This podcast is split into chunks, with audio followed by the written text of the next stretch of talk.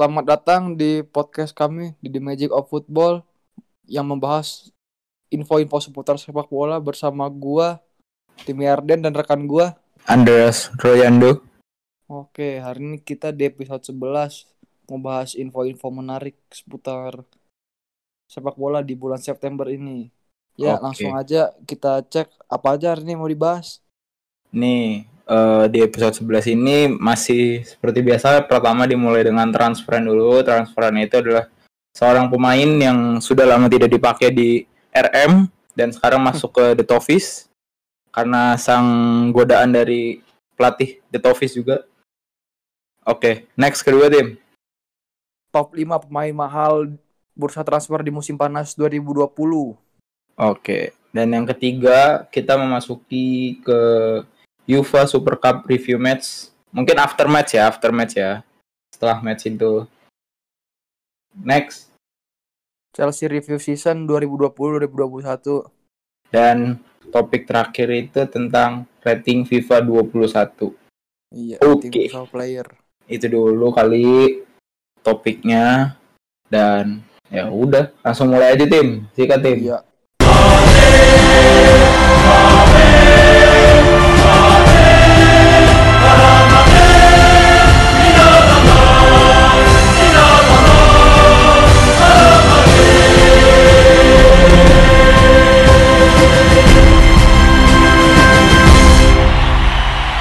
Tim, saya dulu yang memulai karena ini topik yang saya sangat sukai. Yang tadi disinggung adalah pemain RM yang sudah lama tidak dipakai dan akhirnya meresmikan diri pindah ke The Toffees.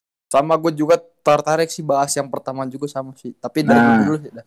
Oke, da- dan dia adalah James Rodriguez. Yeay. Uhuy. Apa ya yang mau dibahas? Ya udahlah. Kalau kalau misalkan dari apa dari kacamata seorang pem- pemerhati pemer po- apa ya fans dari Amat. Madrid tuh. Bahwa dia Oh, kan Fans Madrid.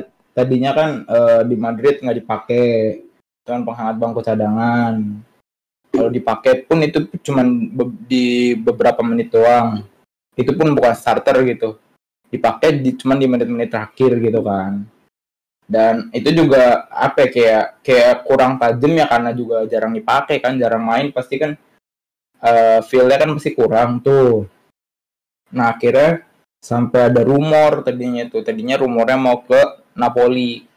Pas itu karena Don Carlo masih di Napoli tapi sekarang setelah masuk ke Everton dia mengajak mengajak James Rodriguez untuk ke Toffees tersebut nah Demi menyelamatkan karirnya. Iya, untuk menyelamatkan karirnya daripada jadi penghangat bangku cadangan doang di tim gede kan. Nah, di situ juga ada ada apa ya? Ada campur tangan dari sang Don Carlo dan James Rodriguez juga tertarik karena di situ karena di situ juga ada peni- penilaian dari Jamesnya sendiri bahwa pelatihnya kan Don Carlo gitu yang turun langsung melatih gitu. Jadi itu juga salah satu jadi bagiannya James kenapa mau pindah ke Everton gitu. Kalau terus kalau menurut gua kalau dia pindah ke Everton sih menurut gua nggak apa-apa. Karena eh, Everton kan termasuk tim middle ya, middle. Yang sedang-sedang tengah. Papan tengah jatuhnya. Nah, di sini kan dia kan juga eh, berusaha untuk membangkitkan namanya lagi di mana yang doi punya prestasi dan mental yang gede sih karena udah udah lama main di klub besar gitu. Dan sampai dan sekarang main di Everton ya udah cukup bahagia daripada dia jadi bangku cadangan doang gitu kan. Dan Pokoknya apalagi semoga bisa lebih lama lah sama Ancelotti Ya, daripada betul. sebelumnya. jadi Ya, setidak- pokoknya gitu ya. setidaknya pindah ke tim middle juga nggak apa-apa yang penting namanya bersinar lagi doi bisa bangkitin nama Everton sih pasti gitu. Udah gitu aja. Oh iya, gue punya pertanyaan sama lu. Kenapa tuh? Apa ya perten gol apa yang g- nggak pernah lu lupain dari James? Gol spektakuler apa yang yang oh ini. suka? yang siapa? Yang dari kan eh, lu inget nggak? Gue gue lupa pertandingannya gimana gitu tapi gue inget banget spesifik golnya. Dari garis garis garis gawang tuh garis gawang kan sebelum tit- di luar titik penalti tapi di garis itu Lawan Granada bukan sih? Gak tau gue lupa. Pokoknya yang Tony Cruz ngasih ngoper ngasih bola ke James terus James naikin itunya langsung disalto di depan gawang tuh. Itu apik. sih. Oh iya iya, oh itu pas ini yang season 2015 2016 iya pas lawan Real Betis. Oh iya ya tahu tahu. Gue lupa itu Iya. pokoknya pokoknya itu bagus dah. Gila. Lawan Real Betis itu. Banyak sih sebenarnya yang free kick juga ada itu juga bagus. Itu yang waktu masih Rafael Benitez itu yang paruh musim pertamanya Benitez baru yang keduanya Zidane. Itu Iya. waktu lu mulai mulai waktu lu yang katanya be- belum serius ngikutin ya. Iya. Ya sebenarnya bagus gitu. Jadi eh gini Tim. Ya udah giran lu dulu, giran lu dulu. Oke, kalau dari gue sih sebenarnya gue mau bicara tentang perjalanan karirnya selama di Madrid ya. Mm-mm.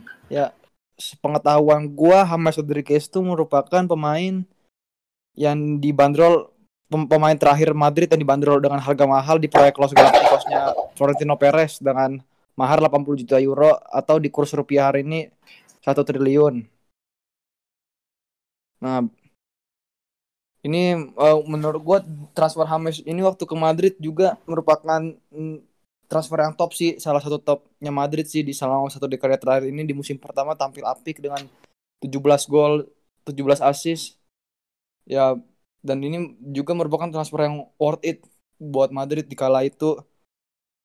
Ya, cuma sih gini, waktu James ke Madrid tuh begini sebenarnya. Gue bicara perjalanannya dulu aja sih ya. Oke. Eh, sebenarnya ya sempat mengancam posisi seperti Isco di Maria, tapi kenyataannya ya yang, keluar di saat itu di Maria di saat James datang. Ya Isco tetap bertahan ya tetap, tetap bertahan. Cuma ini sih James sebenarnya juga di musim pertama juga benar-benar sering dimainkan. Habis itu enggak habis itu tanpa terkecuali apa tuh kecuali kalau dia sedang cedera gitu baru nggak dimainkan. Ya menurut gue sih Ames di musim pertamanya luar biasa. Habis itu di lanjut musim kedua di situ eh, mulai ada perubahan sih dari James seperti waktu bermainnya kayak kurang gitu saat dilatih Rafa Benitez sama Zidane. Soalnya pas itu juga waktu bermain lebih dikasih sama Casemiro sama Kovacic ya walaupun akhirnya juga Kovac eh, walaupun juga pada akhirnya Casemiro lebih dipilih. Ya pokoknya transfer James ini Everton sih menurut gua drastis banget sih penurunan harganya tapi itu masuk akal karena juga James jarang main di Madrid apalagi sejak musim 2016-2017 itu juga. Ya intinya pokoknya bisa bertahan lama lah bersama Ancelotti nanti di saat di saat bermain bersama Everton. Ya gua rasa juga James bakal bisa mendongkrak Everton bisa ke top 5 Liga Inggris lah di musim ini. Kalau dari gua gitu aja sih Oke. Udah sih sebenarnya eh, apa kalau yang dari tim ngomongin sebenarnya udah udah cukup ringkas juga, udah cukup benar-benar mendalam gitu. Cuman yang yang apa ya? Ini sedikit sedikit kita flashback ke James Rodriguez yang lu bilang tuh tim. Di mana enam Iya. musim pertamanya James Rodriguez tuh benar-benar apik gitu kan meskipun luar biasa banget sih eh, meskipun secara perlahan-lahan kayak setelah musim kedua gitu kayak eh, karirnya kayak mulai turun secara pelan-pelan gitu. Tapi meskipun Iya karena berkurangnya jam terbang itu kan, tapi eh, dia masih membuktikan bahwa cara bermainnya tuh masih apik gitu kan. Nah, eh, apa ya yang gue heran setelah kenapa gitu kayak padahal di musim 16 per 17 itu di mana itu tuh kayak pemain Madrid tuh bener-bener numpuk. Nah, tapi numpuknya tuh maksimal gitu, nggak nggak nggak nggak kayak sekarang ya. Kalau bisa dibilang kalau sekarang numpuk tapi nggak kayak nggak jelas jadinya dibanding yang musim 16 per 17 gitu. Di mana musim-musim itu masih musim pertamanya James ngangkat trofi Liga Champion malah. bukan sih itu musim keduanya angkat trofi Liga Champion musim kedua Iya ding, iya benar-benar kedua kedua kedua. itu tapi jatuhnya musim ketiganya itu ketiganya di Mad selama di Madrid kalau 16 17 Pokoknya itu yang sebelum Madrid hat trick aja, hat trick Liga Champion itu. iya kalau waktu hat trick dia udah di Munchen kalau waktu hat trick Heeh. cuman ya ya gimana lah kayak setelah Zidane masuk juga tambah parah lagi. Maksudnya pas masih musim awal Zidane juga masih meskipun jam terbangnya masih turun tapi dia kan masih memberikan kualitas bermain yang bagus lah. Kualitasnya juga ada gitu tuh. Tapi semakin ke sini semakin ke sini makin berkurang ya udah. oh iya mau mau flashback dikit nih Apa tuh? Setidaknya walaupun oh, sida- tapi tra- transfer James kala itu sebenarnya gue melihat di sini wah sepertinya Madrid udah nemuin mesin asis baru lagi. Oke lah Ozil hengkang 2013 di Maria hengkang di saat James datang tapi seenggaknya mesin asis. Madrid tuh masih jalan jalan terus dari eranya Mourinho sampai Ancelotti gitu masih jalan terus. Oh iya iya. Ya lu pasti tahu lah soal itu ya pasti lu tahu lah. Paham gue itu paham. Ya cuman gimana? Eh, mungkin dengan adanya transfer ini ya meskipun menurut gue sekelas James tuh harusnya jangan pindahnya ke Everton gitu kan. Tapi ya udah nggak apa-apa gitu kan. Eh, jadi setidaknya di Everton juga dia kan jadi tim utama gitu. Salah satu di tim utama dan permainannya kembali ini lagi gitu. Em, apa kembali seperti biasanya gitu kan. Iya soalnya dia juga dilatihnya sama Ancelotti sedangkan Ancelotti paham banget kalau James tuh gimana mainnya sedangkan di skema permainan Ancelotti kan James tuh masuk banget. Iya benar-benar. sebenarnya James nih ini salah satu playmaker modern yang gue suka setelah Fabregas. Oh, sebenarnya salah Iya, satu benar. playmaker yang gue suka. Ya cuman gimana? Untungnya untungnya sekarang udah udah resmi di Everton. Ya udah nasibnya mungkin bisa dibilang untuk sekarang udah udah mulai cerah lah udah mulai cerah lagi iya mulai membaik dibanding kalau misalkan si Madrid itu tiba-tiba di menit-menit terakhir nge-cancel kan kayak contoh kasusnya si yang itu yang mau ke Cina itu tapi nggak jadi hmm. Nah itu kan bikin kampret aja gitu, jadinya eh, rada ngegantung. Untungnya yang ini Everton ini berhasil gitu. Ya udah, mau gimana? Bahagia juga kayaknya doi di sana. oh iyalah dilatih siapa dulu Dilatihnya langsung Don Carlo kembali lagi bersama kepelukan Don Carlo.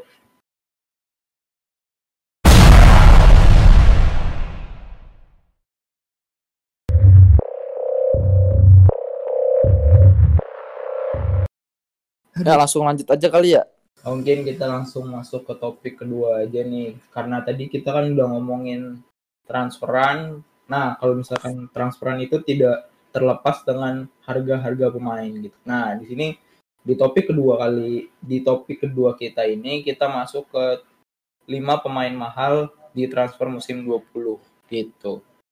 Oke, boleh tim. Siapa aja nih tim? List-listnya. Kai Havertz habis itu Arthur Melo ya Arthur Melo Terus Victor Osimhen Osimhen terus Miralem Pjanic sama Timo Werner yuk. Eh, dari gue dulu kali ya.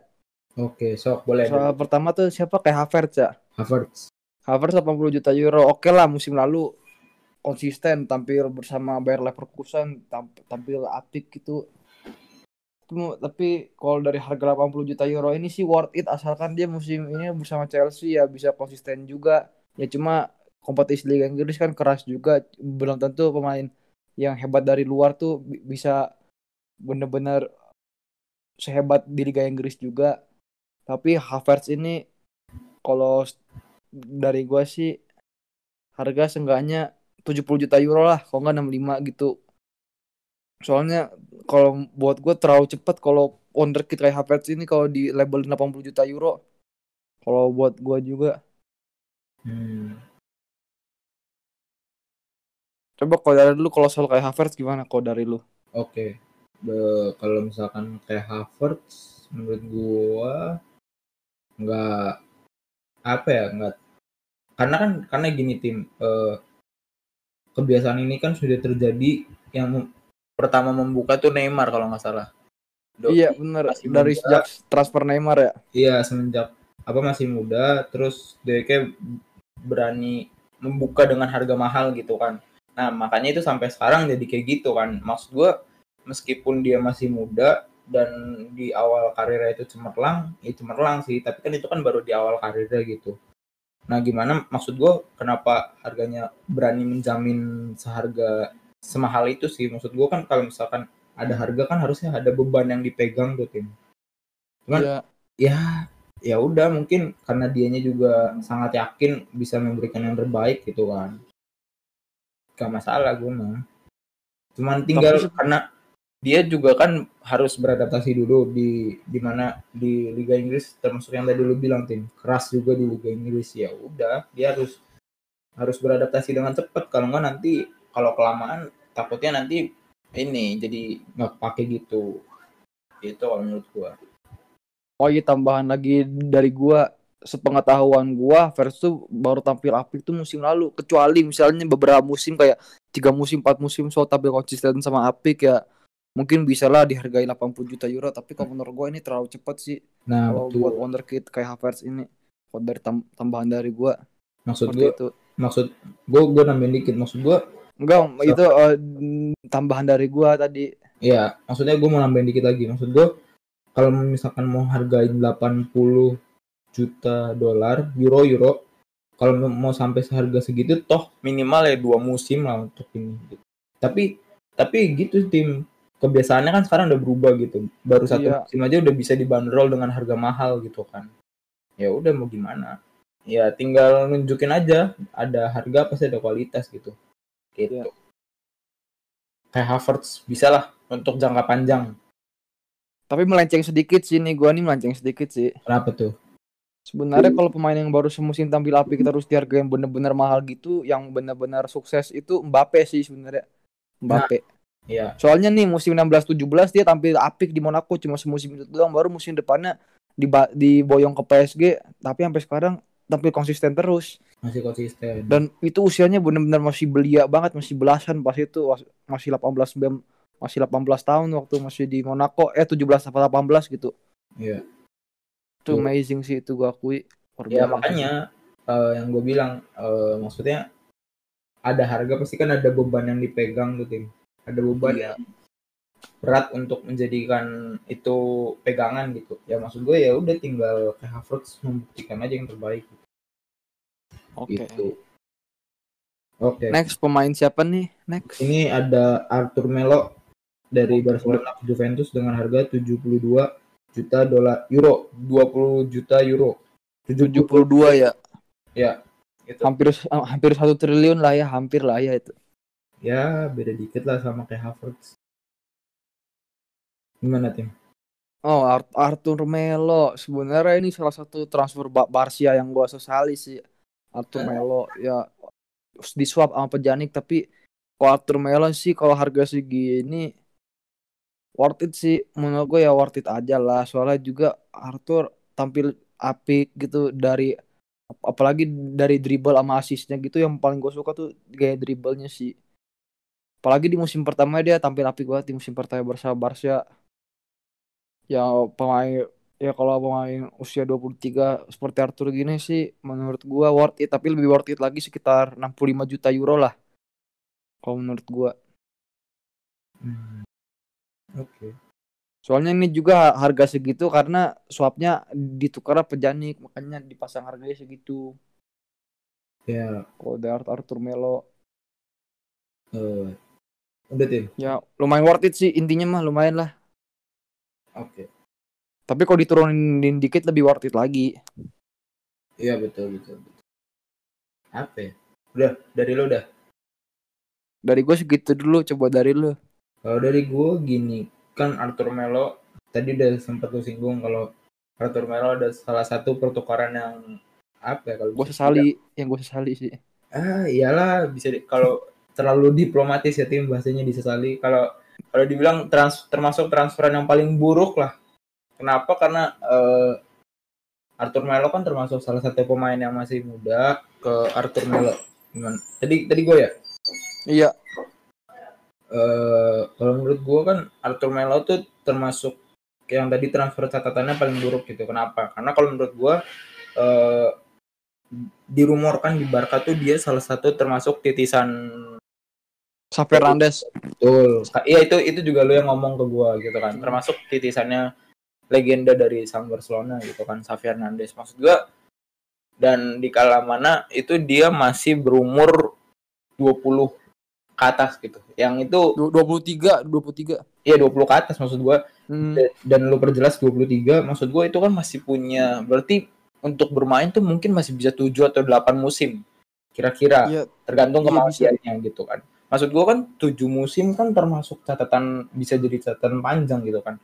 Kenapa iya. harus dituker sama pemain yang mungkin Usianya udah 30 tahun gitu. Nah, ya mungkin catatan bermainnya secara musim ya satu atau dua musim tergantung pemainnya gitu kan. Maksudnya batasannya kan paling kalau nggak 3 sampai 5 musim lagi ya paling udah sampai di situ kan secara jangka Hmm. kan masih pendek gitu kan maksud gua meskipun ini catatan terburuk ya ini berarti nilai lebihnya buat Juventus ya sendiri gitu Eh, gimana si sang maestro harus bisa menggunakan Arthur Melo gitu kan pasti meskipun itu lebih menguntungkan untuk sisi Juventusnya sih kalau menurut gua Apalagi dilatihnya sama Andrea Pirlo gitu. nah itu kan Salah satu gelandang terbaik pada masanya. ya gitu kan maksud gua pengalamannya langsung turun gitu ya Hmm. mungkin kalau masalah harga mah gua mah nggak nggak terlalu memasalahkan karena itu juga kan termasuk bagian eh, kok salah satu keuntungannya buat klub itu juga gitu.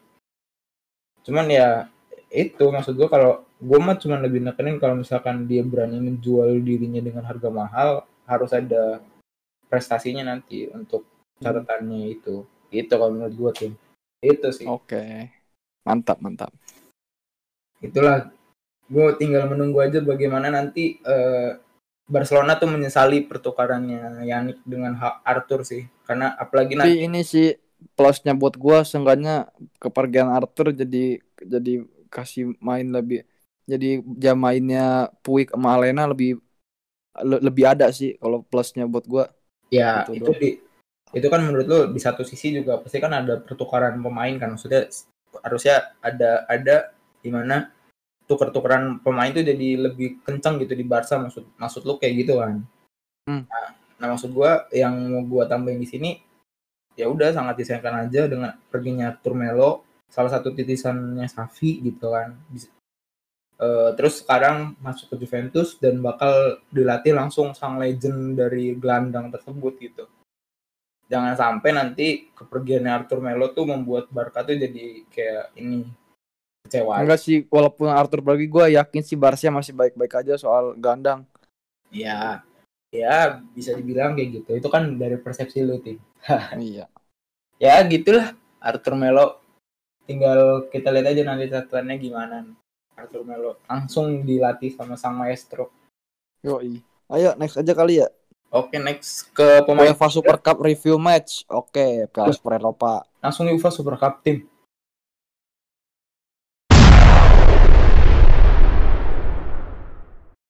Iya, yang UEFA Super Cup ini. Kan masih eh ada- bukan, aduh salah. Astaga. Astaga, enggak enggak. Oh ya, next lagi pemainnya. Oke. Next Victor Osimhen. Osimhen Ini ya, dari Liga Prancis nih, OSC Lille ke Napoli. tuh Napoli Maharnya berapa Andre maharnya? 70 juta dolar euro Euro. gimana sih Oke. bacanya 70 juta euro gitu Euro iya. oke Oke, Osimhen sebenarnya sih dari gue dilihat ini Osimhen nih sebenarnya gue tahu pemainnya dari FIFA 20 sih pas lagi main karir mode gitu. Mm. Tapi faktanya kalau gue liat di YouTube sama di FIFA sih sinkron juga soalnya kayak kecepatan larinya gitu nih gue bicara soal skillnya kayak larinya, syutingnya juga tampil apik juga sih musim lalu bersama OSC Lille gue liat di YouTube. Ya perpindahannya ke Napoli sih menurut gue worth it aja sih kalau dari segi harga dan pemain ini juga nanti menurut gue juga bisa lah mendongkrak performa Napoli nan- na- nantinya di musim yang baru ini. Kalau dari gue sih baru itu aja. Coba kalau dari lu Andre. Dari gue sih baru, baru itu doang. apa ya Victor Osimhen ya Iya. gue kalau Victor Osimhen kurang tahu sih kalau maksudnya gimana perjalanannya gitu karena gue nggak nggak nggak ngikut terlalu ngikutin Liga Prancis gitu kan apalagi dia di mana salah satu dari pemain tim eh Lille gitu kan yang di mana medianya tuh masih kurang menyorot itu kan gitu tapi kalau menurut gue mungkin dengan hadirnya nanti ke Napoli yang di mana sang pelatih Gennaro Gattuso bisa jadi lebih baik sih. Gue cuman taunya Victor Osimhen tuh sekarang lagi gacor-gacornya aja gitu. Oh iya. Gitu. Cuman ya mungkin nanti akan diduetin sama Dries Mertens. Oh iya sih iya bener. Wah itu gelo sih diduetin sama Mertens gelo sih. Karena eh, dengan hadirnya Osimhen ke Napoli kan menjadi salah satu penyegaran serangannya juga tuh karena salah satu pemain dari penyerang yaitu Milik bakal dirumorkan kan bakal cabut. Iya pak. Itu eh, kira-kira mau pindah ke mana ya? Nah itu nggak tahu. Oh. Ya karena gue nggak terlalu ngikutin Osimen ya jadi gue nggak Iya. paham sih gimana itu doang sih. jadi Napoli eh, trio musim ininya Calehon, eh Calehon masih main gak sih Calehon? mungkin masih main Iya Calehon, Mertens sama Osimhen ya berarti ya. Osimhen Tapi tapi pengetahuan gue Osimhen bisa sayap kiri juga sih selain bisa striker bisa juga. Oh, mungkin kalau menurut gua gini, yang paling bisa jadi dua striker, terus duanya main sayap gitu. Tapi nggak tahu sih. Oh iya, tergantung sistemnya Gattuso itu. Karena si dari Napolinya sendiri kan masih ada Insigne sama Loren Lo, Irving Irving Lorenzo tuh, Iya, Lozano. iya, Irving Lo- Lozano, Lozano. Lozano. Itu kan masih Cancelo sih. di mana dua pemain itu masih benar-benar bergantung di sayap kiri juga gitu. Kayak gitu. Itu sih mewah banget sih itu lini serang Napoli. Nah, ya Napoli juga di mana pasti di musim ini kan akan benar-benar bersaing gitu. Iya, Cakep lah. mantap pokoknya. Oke, Langsung pemainnya siapa lagi next player? empat Miralam Pejanik. Pianik, Miralam Dari Pianik. lu dulu coba kalau Miralam Pejanik. Apa ya kalau Mira, Miralam Pianik tuh menurut gue gini. Kan tadi kan gue udah sempet singgung tuh di Arthur Melo bahwa yang gue singgung itu mungkin lebih ke ini ya jangka waktunya dia bermain gitu kan. Kalau Pianik mungkin dua tiga mentok-mentok lima lah lima musim lagi gitu kan. Eh, Tiga, tiga tahun sih mentok. Tiga sih. Tiga musim berarti. Iya tiga musim. ya nggak tahu kita nggak tahu kalau misalkan itu karena Buffon juga kan sampai sekarang Buffon tuh mas- ma- masih lebih tua gitu kan 30 30 berapa ya Buffon ya Empat dua. 42 kan eh maksud gua kalau misalkan Miralem Pjanic sendiri mengikuti cara mainnya Buffon mungkin akan ada cukup menguntungkan kalau buat gua kalau dia main secara musimnya masih jangka panjang gitu tapi kalau untuk jangka pendek sangat dirugikan gitu meskipun Ya, jangka pasti tapi pasti jangka pendek sih. Kalau kalau menurut gue sih pasti itu. kan? Meskipun mungkin kalau jangka pendek tuh hanya akan unggul di mana dia akan bisa konsisten bermain. Itu pun kalau bisa konsisten gitu. Kalau menurut gua gitu. Dengan dengan harga yang segitu menurut gua kemahalan sih. Justru baru di sini gua bilang eh di mana Pjanic tuh terlalu mahal kalau menurut gua. Karena dia eh, untuk umur tapi kalau misalkan secara permainan sih nggak masalah sih kalau gitu karena dia tuh termasuk sedang-sedang aja sih sebagai gelandang nggak terlalu mencolok gitu gitu tim Iya. kalau dari gue sih gitu kalau dari lu Oh kalau dari gue sih nih gue bicara soal harga. Kenapa harga segitu? Karena emang soal ini emang harga pertukaran pemain. Jadi kok harga pertukaran pemain tuh harus harus seimbang gitu. Harus im- harus bisa diimbangin gitu. Kayak Jani ke Arthur. Nah itu imbang lah menurut gue kalau dari segi harga. Tapi kalau misalnya misalnya benar-benar harga harga pasar sih oke lah penampilannya musim lalu sih menurut gue oke aja Pejanik kayak dari umpan-umpan panjangnya gitu tapi kalau menurut gua kalau dari segi harga ya kat- 50 juta euro lah seenggaknya itu mah kalau dikata paling mahal mah. Iya. Karena di sini dia tercatat dengan harga 60 juta euro. Iya tapi kalau menurut gua untuk waktu bermain bersama Barca sih dua tahun lah ya. Apalagi ntar musim depan bakal ganti manajemen gitu bakal ada musim depannya lagi maksudnya ganti manajemen bakal robak besar-besaran gitu belum Iya, lagi gelandang muda udah banyak penghuni squad kayak Pedri Gonzalez Charles Alenya, Ricky Puig dan segala macam gitu. Maksud lu ada perombakan-perombakan akan ada pergantian presiden gitu? Iya kan nanti musim depan kan musim depannya lagi kan mm, udah ganti manajemen lagi, udah ganti. ya mungkin dengan hadirnya manajemen 60 juta dolar eh 60 juta euro terlalu termahalan sih menurut gua.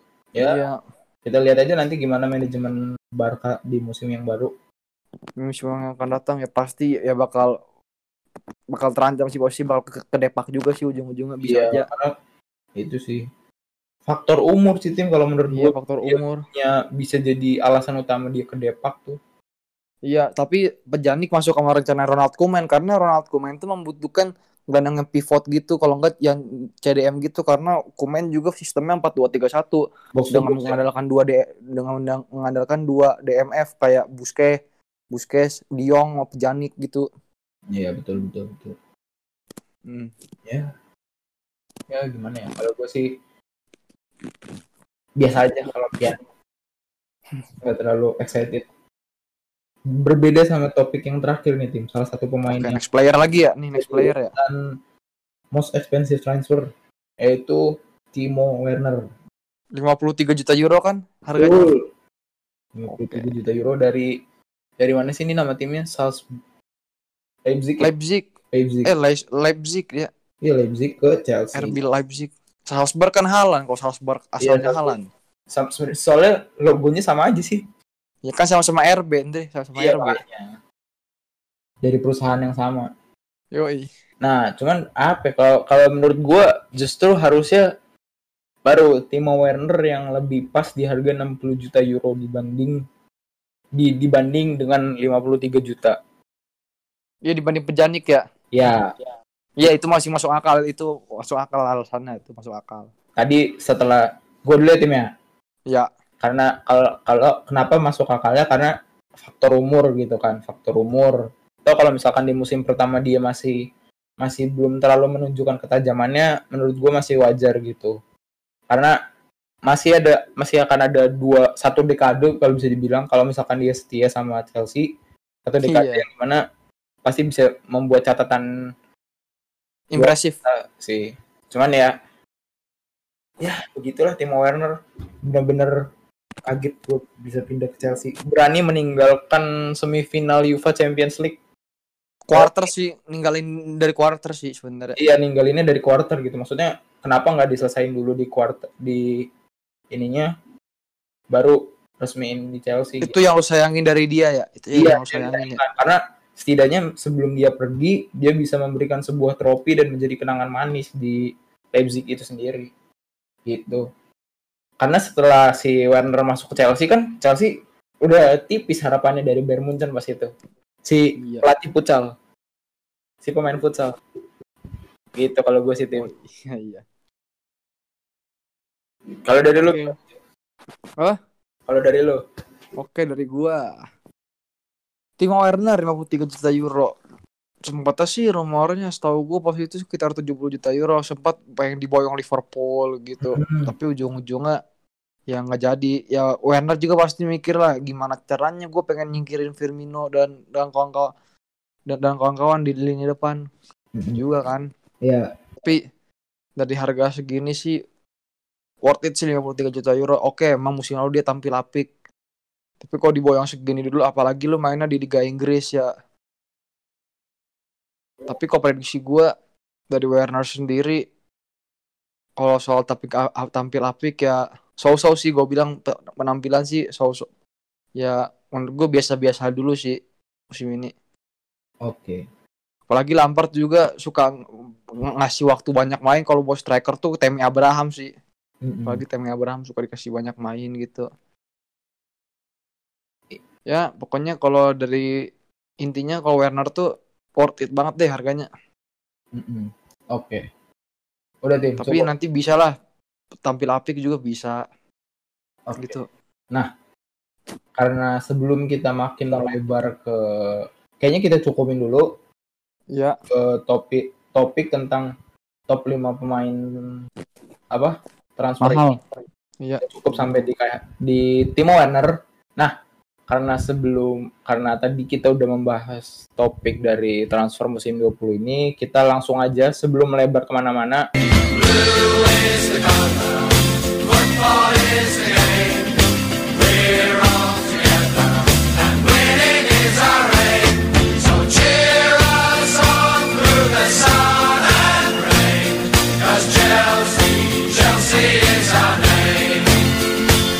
Kita langsung masuk ke Chelsea review dulu nih, Chelsea review.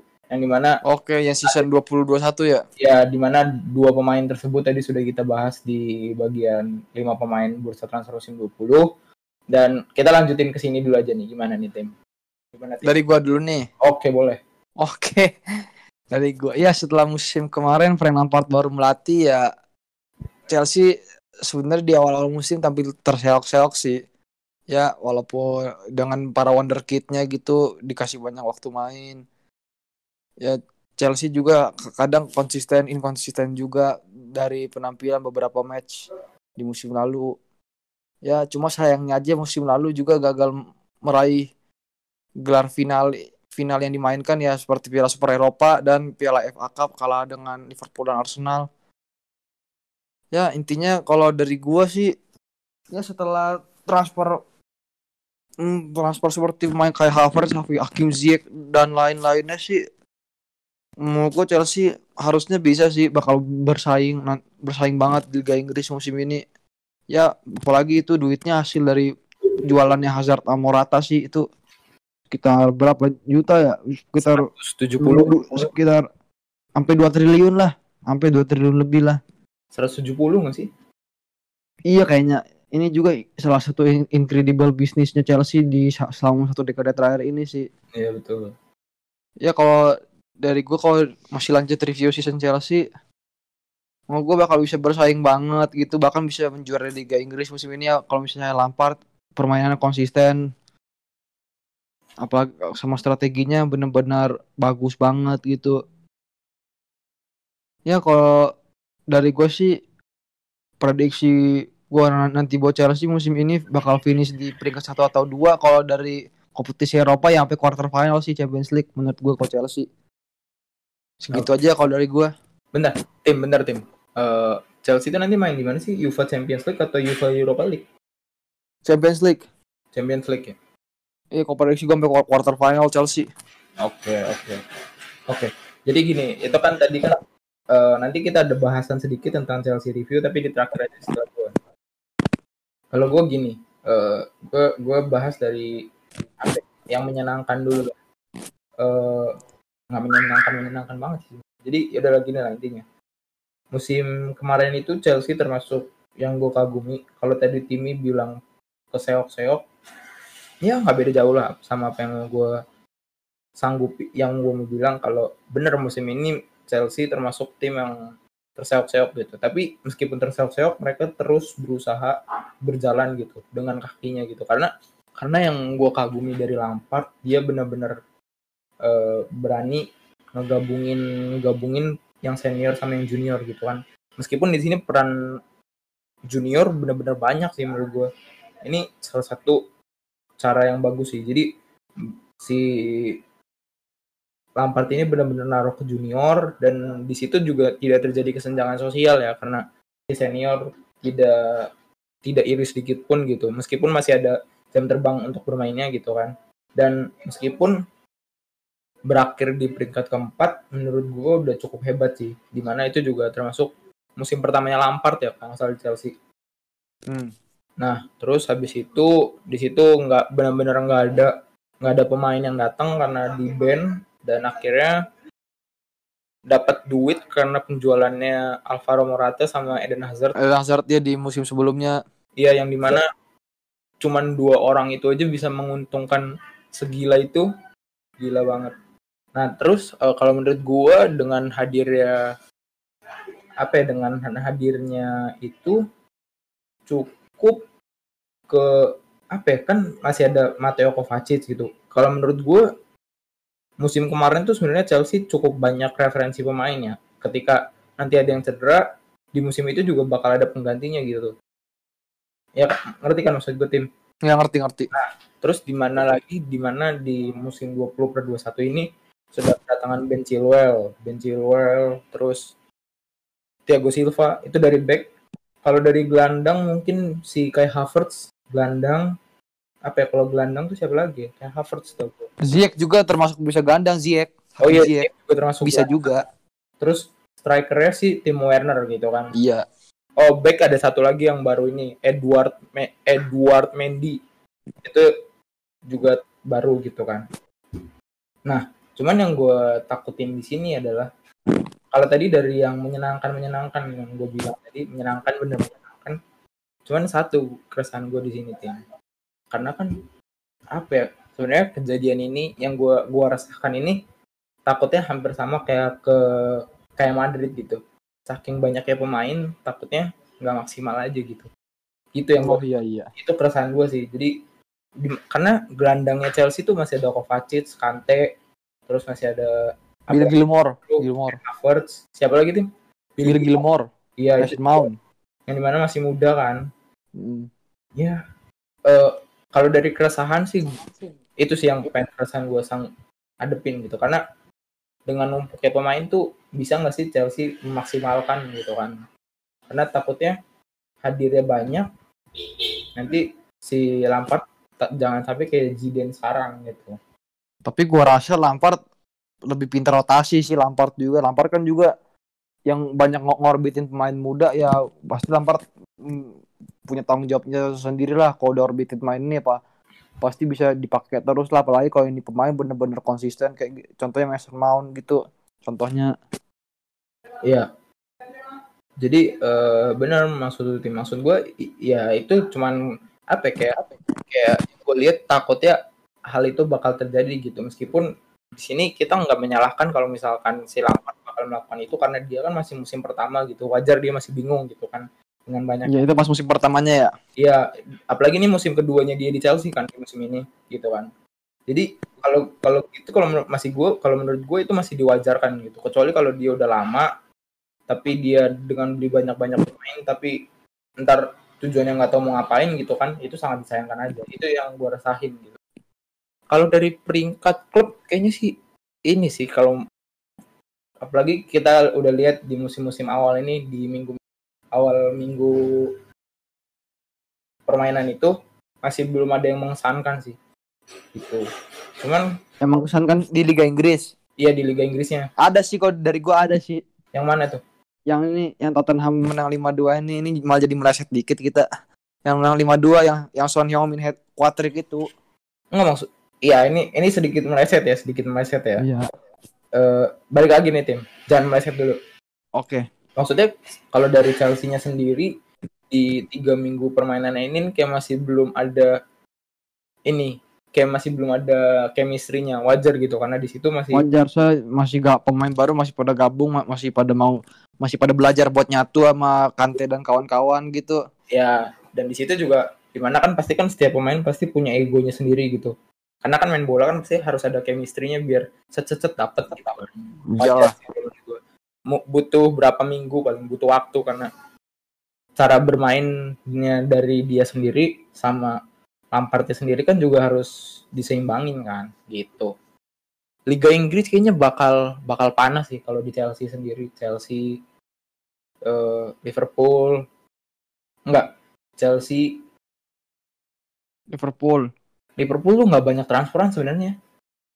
Ada sih tiga orang cuma ada. tiga orang yang paling banyak tuh Chelsea kayaknya bener-bener Iya Chelsea kan kemarin kan kena em- em- embargo transfer ya sekarang Iya. kalau misalnya belanja gede-gedean maklum lah Iya wajar. Ya paling itu sih maksud gue di Chelsea peringkat tiga atau dua. Karena di peringkat satu mungkin masih akan ada rebutan, masih ada nih dua yang kemarin itu pasti masih akan berebutan sih masih saing gitu. oh, iya iya Apa ya sedikit melenceng nih tim. Maksud gue sekarang kan di musim ini ya, musim 20 per 21 ini akan sangat gila menurut gue Liga Inggris karena banyak banget pemain dari luar Inggris datang ke Inggris dan untuk mencari nama gitu. Banyak bener sebenarnya pemain dari luar. iya apalagi ya pemainnya yang, yang masih muda yang masih yang masih muda banget sama yang berlabel bintang banget gitu ya Eh, ada kayak Havertz sama Timo Werner dari Chelsea, ada Everton, James Rodriguez, terus ada Iya, siapa? Alan, Alan gitu kan. Dari Liverpool siapa ya? Gue lupa. Liverpool. Jago Alcantara Iya, ada Jauh. Alcantara juga gitu. Di mana nanti Tottenham masih ada Sergio Reguilon dan Gareth Bale kan. Nah itu oh iya di MU ada ini Van de Beek MU tapi kan di MU cuma satu doang, baru satu. baru satu iya baru satu maksud gue ya gitulah Chelsea bener-bener kalau misalkan nanti jangan jangan kelamaan jangan sampai tengah-tengah musim setidaknya eh, se- sepertiga udah udah bener-bener ngeklop gitu udah sih itu pasti Liga Inggris bener-bener gila perebutan 1 sampai 6 pasti bener-bener gila sih. Ya sih. Gitu. Itu aja meskipun sedikit melebar ke ini ya Chelsea. Tapi kalau di Liga Champion kayaknya bisa sampai final juga. Tergantung bisa. chemistry klubnya ini loh. Terg- sama rotasi pemainnya itu sendiri. Oke. Eh iya aku punya pertanyaan nih. Kenapa tuh? prediksi Chelsea di musim ini menurut lo gimana? Di Premier League sama Champions League finishnya di mana Apa ya kalau di UC UCL UCL UCL UCL bisa jadi gue udah bilang UCL mah paling final lah final. Final, Final. tapi tergantung sih. Kalau kata gue tergantung. Kalau Premier League semana? Kalau Premier League. kalau Premier League tuh paling tiga antara tiga dua satu sih. Cuman yang dua sama satu tuh pasti akan berebutan tuh yang di musim kemarin tuh. Masih akan sangat kencang Liga Iya, iya. aku juga pasti masih akan sangat kencang sih gitu kalau menurut gue sih. Clear aja kalian sampai sini ya. belum belum. Gue masih ada satu topik terakhir nih di Chelsea review ini. Karena sudah berapa ya? Enam pemain kayaknya. Chelsea mendatangkan enam atau tujuh dari Iya lima tahun enam sih setahu gua. Lima tahun enam. nih ada tim ada Timo Werner kayak Havertz Hakim Ziyech. Terus siapa lagi Thiago Silva Thiago Silva. Ben Chilwell Edward Mendy enam Satu lagi siapa? satu udah Oh udah itu aja. yang gue tahu enam eh, karena kan di setiap posisinya sendiri di Chelsea juga sebenarnya udah cukup mumpuni. Nah, gimana sih nanti Lampard akan meramu formasi Chelsea itu sendiri? Coba kalau dari lu dulu tim. Oh Kita eh, ini kita memposisikan diri kalau misalkan dengan adanya pemain Chelsea, lu bakal menjadikan apa siapa aja gitu kan? Gitu. oh, untuk di starting line up gitu ya. Ya, kalau dari prediksi lu aja.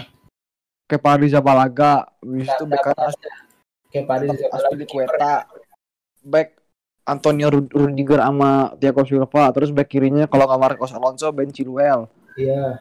Kalau dari sektor tengah itu Jorginho masih tetap sih Jorginho. Jorginho. Iya, Backnya tadi siapa aja tim ulangin tim? Backnya? backnya ini Aspilicueta, Iya. yang back kanan tetap Aspilicueta, back kiri kalau nggak Marcos Alonso, Ben Chilwell, kalau back tengah Antonio Rudiger sama Thiago Silva. Oh iya.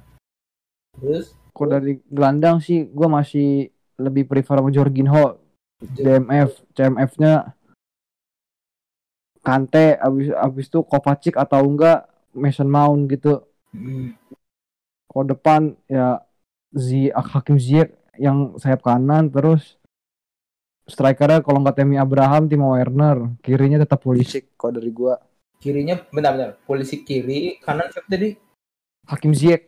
Kim Ziyech, depannya Kalau nggak Timo Werner, Temi Abraham. Tami Abraham. Oke. Giroud ketiga tuh Bang. Gila. Kayaknya Giroud bakal depak sih Januari kayaknya. Kayaknya. Eh, Oke, kalau kalau menurut lo kayak gitu ya. Kalau gua eh, bentar-bentar. Gua gua bingung Edward Edward Mendy itu posisinya apa sih? Edward Mendy. Bentar, tim. Ini untuk melengkapi Oke, Bro. posisi gue. Hah, Edward Mendy kiper. Kiper muda. Oh, gue kira Mendy tuh karena karena Mendy kan patokannya kan sekarang kan banyak pemain yang namanya Mendy itu jadi back tim. Gue iya, iya bener bener bener. Lah ternyata kiper. Lah berarti udah ada. Dia kiper muda itu, Andre. Kiper muda. ada siap penggantinya Kepa dong. Iya, misalnya kalau Kepa musim ini masih ma- masih bapuk penampilannya ya kayaknya udah kayaknya Mendy bisa bisa dipercaya, bisa dipercaya, masih kata bisa ya. Tapi Bisa. kalau gue gini tim gue sampai kaget baca di kan sumbernya dari Instagram ya. Gue nggak terlalu mungkin nggak bukan nggak terlalu percaya sih maksudnya sampai kaget aja gitu sampai di mana Peter Cech kan di, situ bukan pelatih kiper kan tapi dia benar-benar turun ngelatih Kepa dong. Mungkin kayak ka- kalau kata Cech oh gatel banget gue jadi kiper ngelihat lu cara mainnya gini aneh banget sih gitu kan. Yo, u- udah, udah mahal masih aja bapuk penampilannya gitu ya. iya bener pemain, pemain mahal loh termasuk salah satu pemain mahal. Tapi nggak nggak benar-benar nggak membuahkan gitu kan. Oke kalau dari gue gini mungkin kiper tuh hmm, Willy Caballero ya jadi pelapis ketiga. Kalau kalau menurut gue gini tim. Edward Mendy satu keduanya si Caballero ketiganya baru Kepa. Karena di sini si Lampard benar-benar kayak nggak benar-benar pengen melepas banget Kepa kan. Cuman Iya, Kepa- kayak Kepa tuh dikesampingkan banget gitu ya. bener ya karena di sini juga nggak ada tim yang mau ngelirik Kepa gitu kan. Ya mau nggak mau Chelsea bakal megang kan. Bakal tetap ngegaji gitu. Jadi Ya Caballero pasti bisa jadi pelapis kedua nah terus masuk ke tengah. Kalau tengah nih ya kalau tengah tuh gue punya dua kemungkinan tim. Antara Siapa nih? tiga back sama main 4 back. Gue yang dari tiga dulu nih. Kalau tiga tuh nanti bener-bener si tiga bentar tiga antara Rudiger Thiago Silva sama ini satunya lagi. Kristensen ya? Kristensen iya Kristensen itu kalau yang bertiga gitu kan. Cuman nanti tergantung ininya doang sih. Kalau menurut gue yang tiga kalau yang empat kayak tadi lo kanannya si Aspilicueta itu bener-bener OP banget Aspilicueta terus kiri antara Marcos Alonso sama siapa ya? Ben Chilwell. Ben Chilwell. Ben Chilwell juga termasuk karena Marcos Alonso yang gue lihat dari musim kemarin itu termasuk luar biasa juga. Tengah. Kalau nggak Thiago Silva tuh pasti nggak bisa dilepas tuh. Karena menurut gue dia jadi jadi dasarnya mental itu juga termasuk yang bakal jadi ganti-gantian tuh Christensen sama si itu si Rudiger. Rudiger iya itu bakal jadi pertukaran. Nah, terus masuk ke gelandang, gelandang tuh di sini masih ada Ross Barkley, eh, ada Rhys James, oh Rhys James backing, ada Matteo Kovacic, kayaknya Matteo Kovacic sebagai center, terus sama N'Golo Kante center, eh, si Havertz menurut gua jadi, CAM ya CAM iya sebagai cent- attackingnya, attackingnya iya antara si siapa si Havertz sama si Mason Mount. Baru sayap kanannya si Hakim Ziyech, kirinya Pulisic, depannya nih Timo Werner, terus ada eh Hots Hudson Odoi, Hudson Odoi juga. Hudson Odoi bukannya ini Hudson Odoi bukannya gelandang atau sayap kiri ya Tapi di sini juga benar. Di sini catatan di gue lihat dari Google dia penyerang juga sih. Oh dia juga penyerang Bis. Iya benar. Penyerang sih. Cuman nggak tahu kalau itu gue kalau dia bisa di sayap kiri gitu kan. enggak sih setahu gua Hudson Odoi kalau striker nggak bisa kalau nggak sayap kiri gelandang kalau setahu gua ya Oh, oke oke. oke. nggak bisa kalau striker nggak bisa dia eh oke kalau kayak gitu ya udah eh, mungkin begitu bisa juga Tammy Abraham sih Tammy Abraham Timo Werner di kirinya berarti antara Pulisic sama Kalum Hudson-Odoi ya benar-benar. Iya. PES juga gitu sih dia bisa kiri. Gitu. Udah kalau gue mau gitu kali oke. Pegang kata-kata gue tim. Kepa bakal jadi pelapis ketiga. Kepa. Oke udah cukup kali timnya kayaknya. Itu aja. Iya cukup banget sih. Ini incredible banget sih bahasan Chelsea. nanti eh, jangan jangan kredibel dong. Beban banget kita di kitanya jadi bisa kredibel. Maksudnya kita incredible banget tadi bahas Chelsea-nya maksud Oh, gua. mungkin di episode episode berikutnya akan review tim-tim lain gitu kan. Cuman iya. kita harus memperdalam materi dulu dong. Oke. Oke. Nanti dari transfer transfer tersebut meng- menyambungkan tentang dari Chelsea review itu sendiri. Sekarang kita langsung masuk aja. Kita kita cukupi di topik yang ketiga ini tentang Chelsea review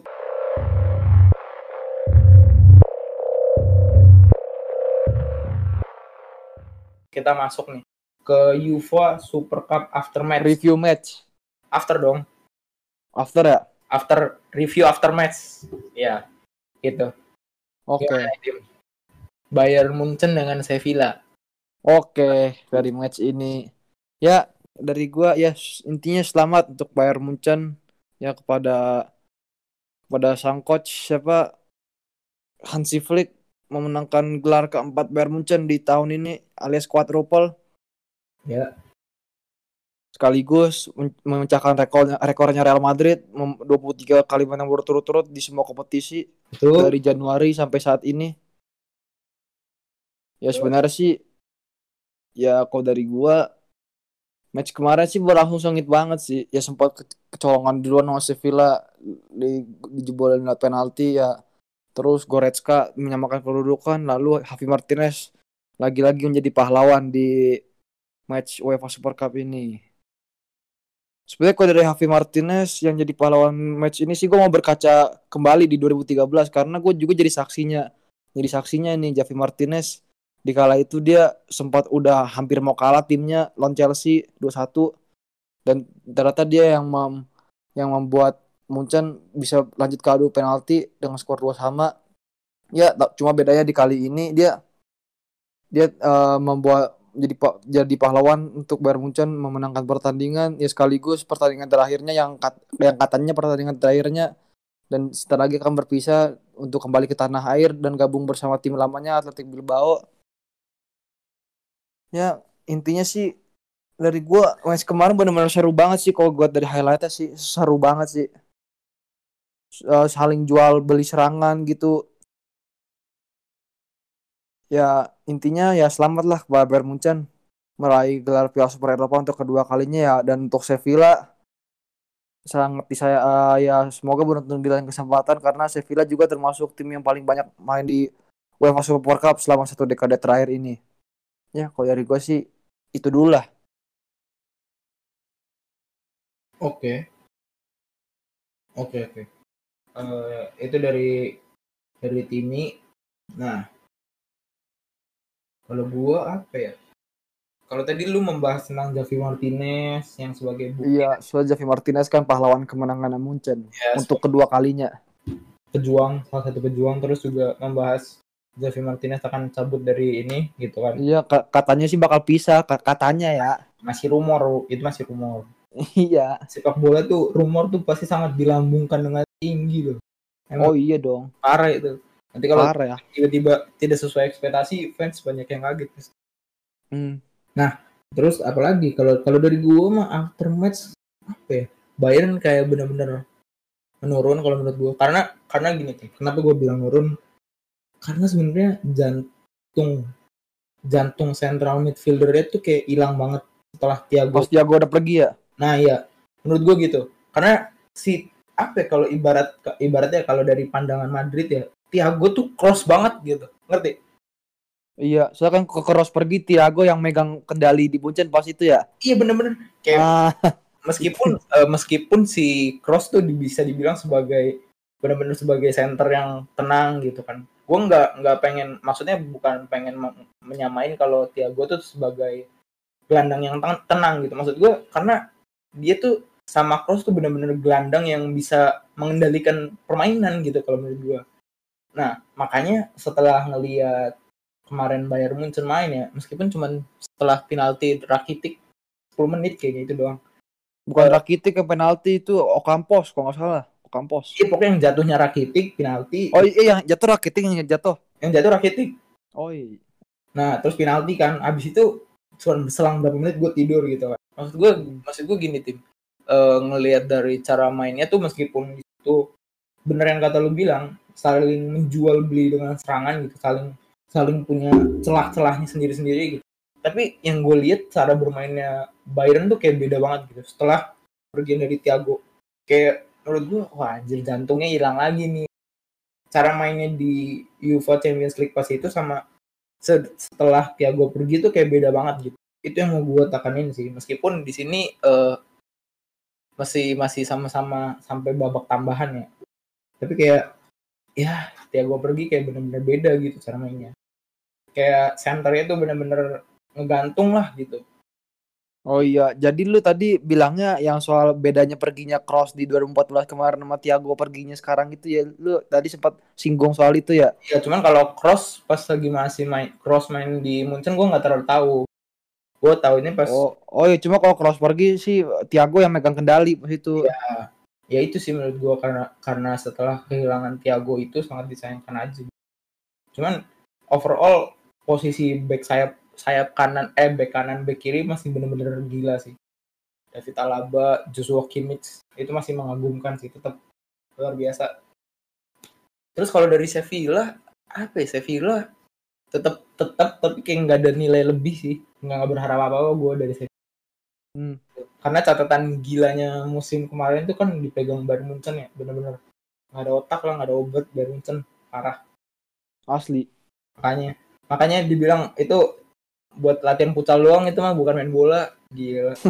Bener-bener berkelas main mainnya meskipun uh, musuhnya dihabisin-habisin ya kayak nggak ada respect kayak gitu. Cuman ya ya itulah. Nggak ada ampun sih. Nggak ada ampun iya bener-bener dilibas habis semuanya iya. semua digiling semua bos iya Meskipun kemarin satu sama sampai berakhir Javi Martinez yang menutup kemenangan gitu kan. Ya udah. Itu aja kalau dari gua UEFA Super Cup kembali. Oh. Jerman tuh setelah berapa lama ya kayaknya ngangkat trofi. Jerman yang main, main di UEFA Super Cup. Ya. Terakhir 2013 itu juga Munchen juga 2013. Iya. Setelah tujuh tahun tapi berhenti. Iya.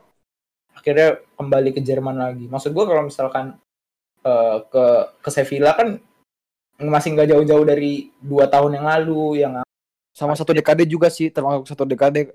Iya masih satu dekade. Cuman kan tujuh tahun juga ter- penantian yang lama untuk mengangkat Super Cup kan karena di situ benar-benar dilihat ini loh raja Eropa sekarang. Gitu. Iya, cuma syaratnya ya gitu mau menang menang kalau mau main Super Cup ya menang UEL sama UCL dulu syaratnya.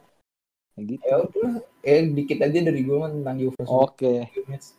Lu dari lu segitu. Udah gitu aja. Kalau dari Ini lu sebelum gua tutup, gua punya pertanyaan buat lu. kenapa tuh? Coba tebak, kapan terakhir kali UEFA Super Cup tayang di TV lokal? Ayo. Anjir Super Cup ya. TV lokal kayaknya ada sekitar 6 atau 7 kayaknya kalau nggak salah. Iya bener, bener, bener, bener. Soalnya kan 6, tahun, 7 tahun lalu terakhir kali tayang TV. iya terakhir kan yang megang kan Sevilla kan yang 2013 tuh. Iya yang lawan Madrid kan ya? Iya. Ya itu gua pas itu terakhir kali nonton di TV lokal tuh. Ya ya udah gitu doang.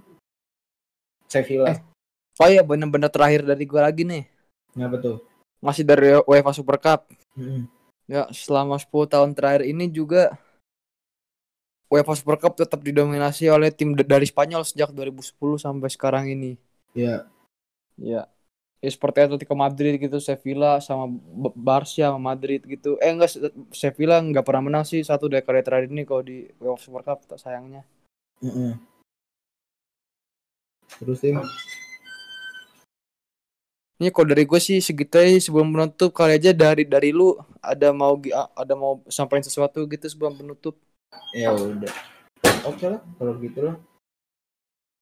Karena eh, sedikit tim Super Cup tahun musim musim ini yang baru ini akan kan seasonnya. Apa? Mus- Super Cup. Eh. Bukan Super Cup itu mah Piala Antar Dunia. Piala Piala Dunia itu beda beda kompetisi lagi. beda-beda beda salah salah salah salah. Iya iya iya. Oke, kalau gitu kita sudah tadi membahas topik keempat. Nggak terlalu banyak ya di poin-poin review match. Cuman cukup memuaskan aja. Meskipun Asli. gue cuma 10 menit nonton. Ya udah gitu aja. Nah, sekarang nih kita memasuki topik yang terakhir dari rating FIFA 21. 21 Player. musim baru ini. Oke. Mana, Itu bahas Oke, mainnya. ini dari gua nih. Ya. Oke. Kebetulan rekan gua mau bahas ini karena ya nggak heran sih bentar lagi gamenya juga udah mau rilis bentar lagi akhir bulan ini. Ya di sini kita mau bahas-bahas dulu lah top 5 pemainnya nih dari Kylian Mbappe dulu kali ya bahasnya ya. Jangan, jangan langsung Kylian Mbappe dong. Menurut gue Kylian Mbappe itu termasuk bos, udah jadi bos. Oh iya, lu bener bos dari anak muda. Iya bener-bener dia tuh di harga mahal juga. Yang tadi lu bilang harga mahal tapi konsisten gitu. Jadi jangan terlalu yang high class dulu lah. Oh iya, dan yang bawah dulu ya. Dulu. Kalau menurut gua kayaknya Siapa dulu nih? Arnold dulu. Arnold boleh tuh Arnold. Arnold. Oke, Arnold, Alexander Arnold. Oke, kalau dari gue ternyata Alexander Arnold tuh yang paling gua sorot itu ya passingnya. Oke sih, yang passingnya paling tinggi di situ. Tapi emang dari secara permainan passingnya emang oke dan buat gua kalau buat gua sih sebenarnya ya 89 lah kalau untuk di season ini. Untuk Trent Alexander Arnold. Kalau dribblenya sih bisa ningkat lagi lah. Bisa ningkat lagi kalau dribble dari Alexander Arnold yang gua sorotin sih dari dua itu doang. Coba kalau dari lu soal Alexander Arnold gimana? Alexander Arnold. Oke. Apa ya Alexander Arnold tuh termasuk yang cukup cemerlang di musim ini. Dan eh oh ini nih Alexander Arnold nih. 87 ya. Cuman Hmm. eh, apa ya?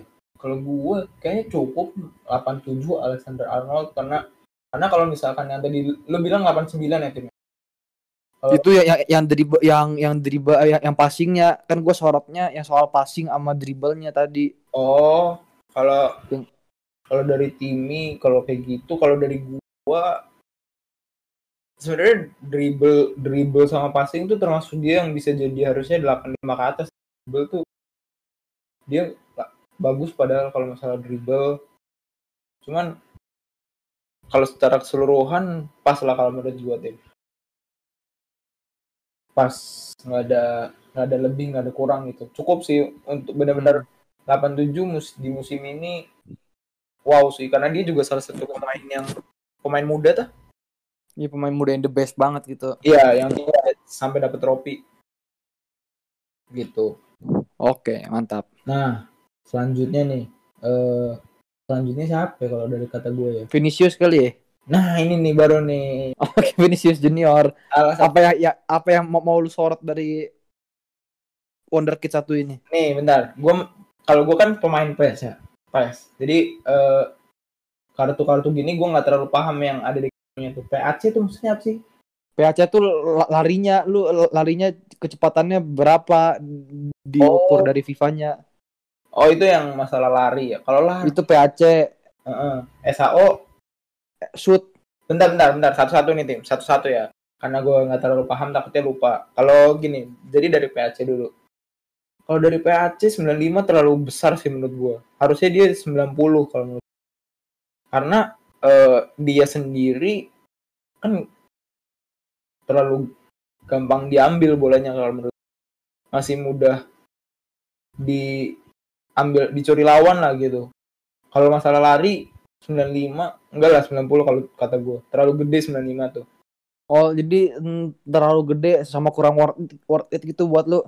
iya karena dia cuma menang lari. Kalau misalkan nanti pas dia duel sama ini kurang sih. Gitu Oh, oke oke. kalau shoot 69 70 atau 72 juga Ya karena emang finishingnya kurang kurang oke. iya sih Ya maklum sih. di musim ini oke. finishingnya kurang kurang cakep masih kurang maksimal sih terus passing ya passing passing tuh harusnya gede loh dia bisa 75 77 Tujuh satu ya dia. ya? Iya dia cuma 71 termasuk sebenarnya Vinicius kalau masalah passing termasuk yang cakep juga sih. Cakep harusnya. Terus Oh. dribble, dribble 86. Iya kan DRI dribble. Dribble. Dribble-nya berapa? Dribble-nya 86. Oh, 86. Kenapa jatuh banget dari larinya? Harusnya lari sama dribble kan beda-beda dikit. Tapi kan dribble sama lari dia paling oke sebenarnya kalau kalau dari yang kita lihat langsung mah. Mm-mm, emang emang diakuin sih lumayan sih. Apalagi kalau lu mainin di PS-nya gitu. Apalagi kalau lu mainin di PS. Oke, eh, bentar, kita lanjut lagi. Dev itu apa tuh? Apaan? Dev. Defensif. Defense. Defense. Nah ini nih defense-nya benar-benar 29 sih. Ya maklum lah. Maklum karena masih masih di awal musim sih menurut gua. Bukan soal itunya sih, so- soal lebihnya sih ke tipikal permainan sih. Iya. Tipikal. Iya mak- maksudnya harusnya lebih ke tipikal permainan ya bukan Hmm. pengaruh. Mungkin kalau misalkan si body Vinicius lebih gede lagi udah sih cocok jadi pengganti Bell. Hmm. Karena kalau Bell kan lari oke, shoot oke, body juga bagus gitu tuh. Jadi karena kalau dari kalau dari gue ya pemain tuh kalau misalkan udah lari oke, dribble oke, terus bodinya mempertahankan bola nggak gampang ke jatuh gitu tuh. Itu udah udah luar biasa sih. Gitu. Apalagi kalau buat dimainin di PES ataupun FIFA gitu. Terus apalagi PHY, PHY apa tuh? Itu fisik, jadi lu ini stamina lu gampang kekuras apa enggak saat lu lagi main? Oh, iya sih. Stamina sini, lu. di sini eh, cuma 66. Karena Ya kalau PHY 66 termasuk kecil sih. Termasuk kecil banget. kecil. ya udahlah. Overall 80 udah cukup sih sesuai dengan Oke. cara bermainnya dia di musim ini. Oke. Sekarang Oke. Giliran gue lagi. Dari gua Vinicius ya. Kita lima pemain doang kan ini? Iya, Oke, gue mau bahas siapa ya? kok Ketiga, Vinicius Junior. ketiga. Dari gua sih yang gua sorot sih cuma dribble sama dribble sama PAC-nya doang sih, Ya, sama PES-nya. Soalnya emang dari dua dari musim pertama sama musim kedua sampai sekarang sih emang paling kelihatan sih dribble sama dribble sama lari cepat doang. Dan buat gua kalau PAC-nya 95 wah, worth it banget sih, worth it. Justru kalau buat gua worth it banget. Kalau buat gua kalau dribble sih lebih berkembang lagi. Bahkan kalau menurut gue bisa lah 88 mah. Kalau dari Vinicius Junior sih kalau shooting sih ya masih bisa ber- dikembangin lagi lah tahun-tahun depan gitu. Nah masih terbilang buruk sih kalau shooting kan finishing kan juga buruk juga gitu. Terus apalagi tuh PAC, Hmm, terus apalagi tuh eh, dribble, dribble. shooting sama apa tuh namanya yang buat nyerang juga. Defense. Eh bukan defense, Fisik. ya fi- fisik selain fisik atau lagi apa? Udah nggak ada lagi, cuman 6 loh di sini. Iya sih. Oh iya, terakhir nih dari gue soal Vinicius kalau misalnya syutingnya bener bisa 80-an sih nih orang overall bisa 90-an sih kalau menurut gue ya. Kalau misalnya udah 80 ke atas bisa Oh. 90 Vinicius. Oke, oke.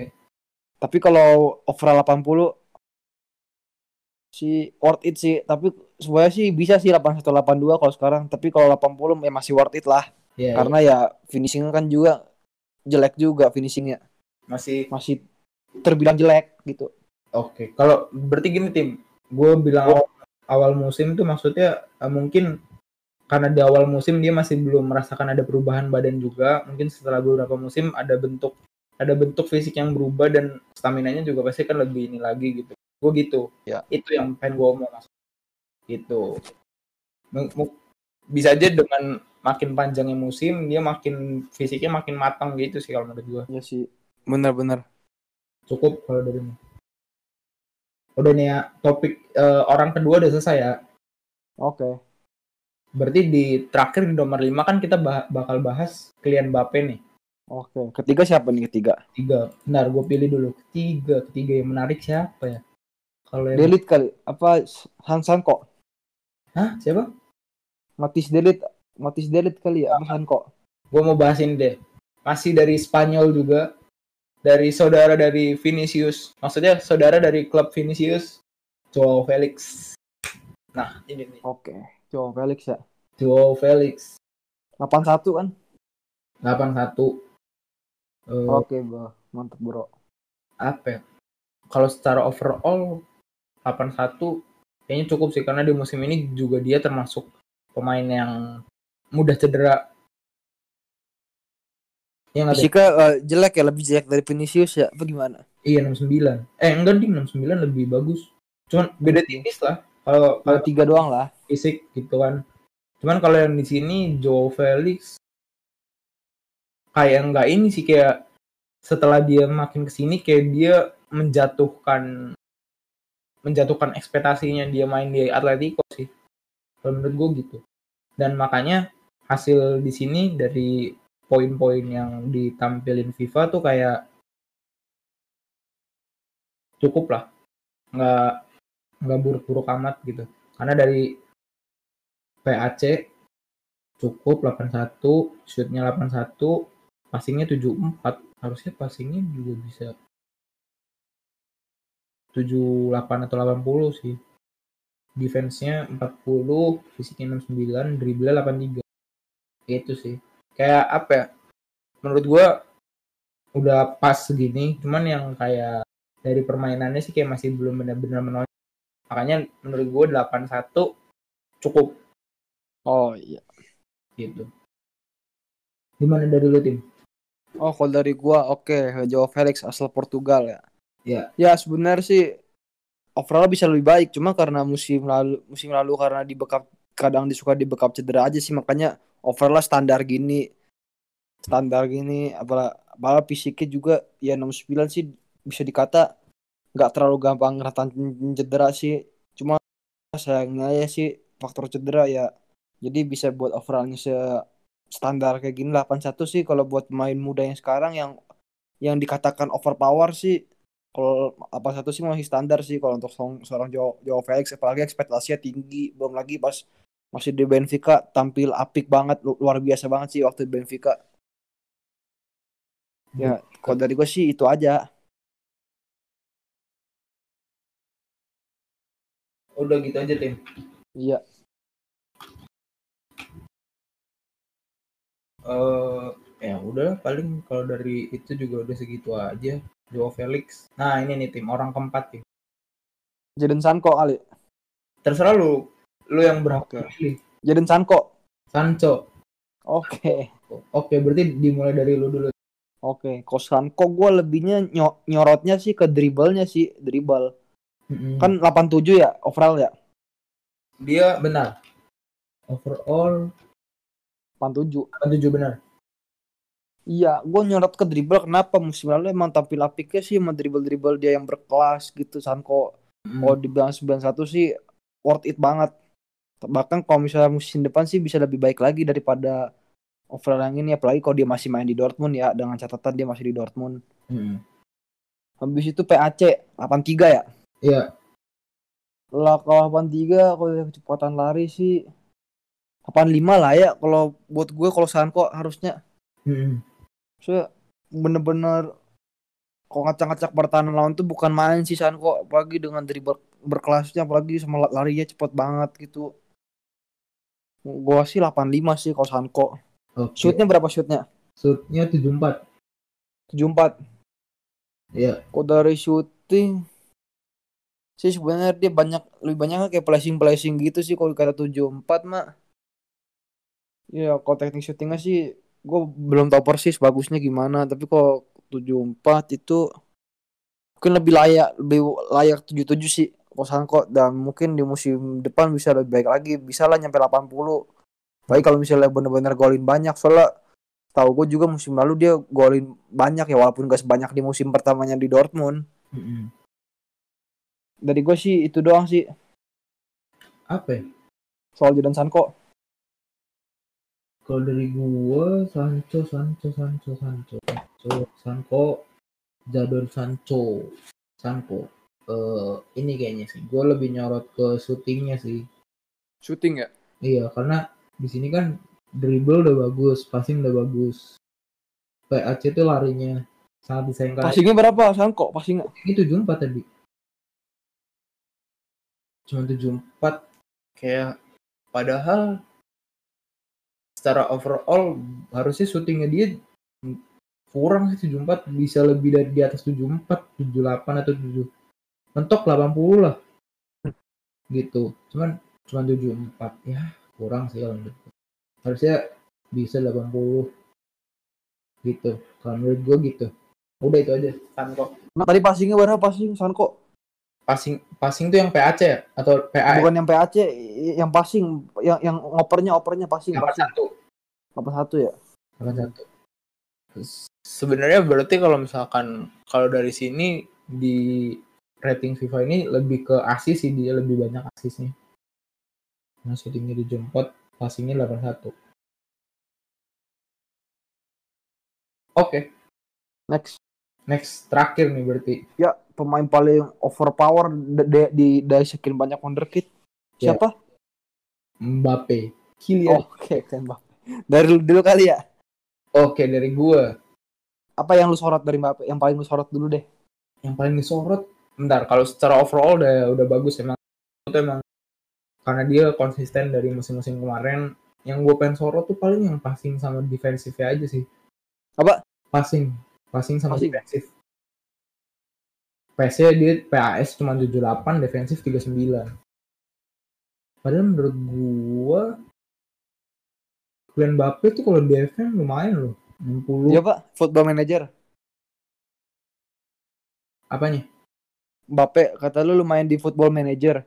Bukan bukan. Maksudnya secara secara defensif tuh Mbappe 39 tuh ter, enggak ini sih. Harusnya bisa bisa 60 70 karena gue lihat cara bermainnya Mbappe tuh dia masih bisa menjaga ngebody body gitu sih kalau menurut gue masih gesit buat ngerebut bola dari lawan yang ambil bola dari dia ya gitu. Iya mas maksudnya sedang lah nggak nggak jelek banget. Di sini kan defensifnya cuma 39 gitu. Gitu. Terus passingnya sih passingnya harusnya 80 dari 7 kenapa tuh? Karena dia termasuk yang ini juga. Banyak apa bisa ngasih asis gitu sih. Jadi kalau 78 kayak nggak nggak straight forward aja. Gitu kalau menurut gua gitu tim kalau dari gua tim oke dari gua nih ya sekarang ya Iya. Oke dari gua Mbappe yang paling gua sorot sih apa ya dribbling sih gue lebih sorotnya ke dribbling Ber- dribblingnya berapa dribblingnya 96 ya Dribblingnya bentar. 91. Oke, sembilan satu. Worth it sih. Apalagi di musim-musim, apalagi di musim kemarin tampil tampil bagus juga, apalagi di musim-musim kemarin. Kalau Mbappe sih dari cara mainnya, emang sih dribblingnya, wah, gelok banget sih, OP banget, kayak gampang aja gitu ngelewatin lawan. Ya, kalau dari gue sih, sih luar biasa sih kalau dari Mbappe dribbling. Jadi kalau overallnya berapa overall? Overall 90. 90 ya? Iya. 90 sih worth it lah. Tapi Iya. menurut gua dribbling Mbappe bisa lebih baik lagi ya. Bisa lah di masakan di masakan beratang 94 gitu. Kalau Hmm. dari PAC berapa PAC? PAC 96 justru PAC. OP. Oh. Ini worth it banget sih Mbappe PAC. Worth Iya. it banget. Tapi bak tapi kalau menurut gua sih untuk di FIFA 21 misalnya nanti launching sih kalau kalau keluar sih 98 sih kalau buat PAC. Kalau kalian Mbappe. Soalnya dribbling sama dribbling sama pace-nya itu bener-bener bener-bener imbang banget sih kalau buat gua. Jadi kalau nanti misalnya game udah launching ya 93 atau 92 lah Mbappe overallnya kalau menurut gua lebih worth it-nya ya. Hmm. Ya kalau dari gua sih itu doang ya. Oke, gue tambahin dikit. Iya, eh, jadi gue setuju sama kata-kata Timmy kalau sekarang Mbappe itu sebenarnya bisa 92 sama 93 gitu. Karena di sini dribble harusnya dribble sama passing itu enggak enggak dribble kan 91 harusnya dia bisa 93, passingnya 80. Itu sih kalau menurut gue. Karena di sini 78 padahal doi itu tetap termasuk yang kalau passing bagus loh. Gitu. Sangat disayangkan aja sih di sini kenapa passingnya cuma 78 gitu Ya tuh. cuma ya karena Mbappe ini sayap kanan ya emang dia lebih banyak disorotnya sih soal dribble sama sama pace-nya sih kalau paling banyak disorotnya. Iya sih. Ya udah. Oke, kalau gitu. Ya. Ya di closing aja kali ya, ditutup aja kali ya. Oke, karena tadi kita tadi itu kita sudah membahas lima top tersebut dan kayaknya tadi Mbappe adalah salah satu penutupan sekaligus ah, kita akan menutup topik episode 11 kita dan ya udah kayaknya sekian dulu di episode 11. Mungkin kita akan bertemu lagi nanti di episode-episode selanjutnya. Oke.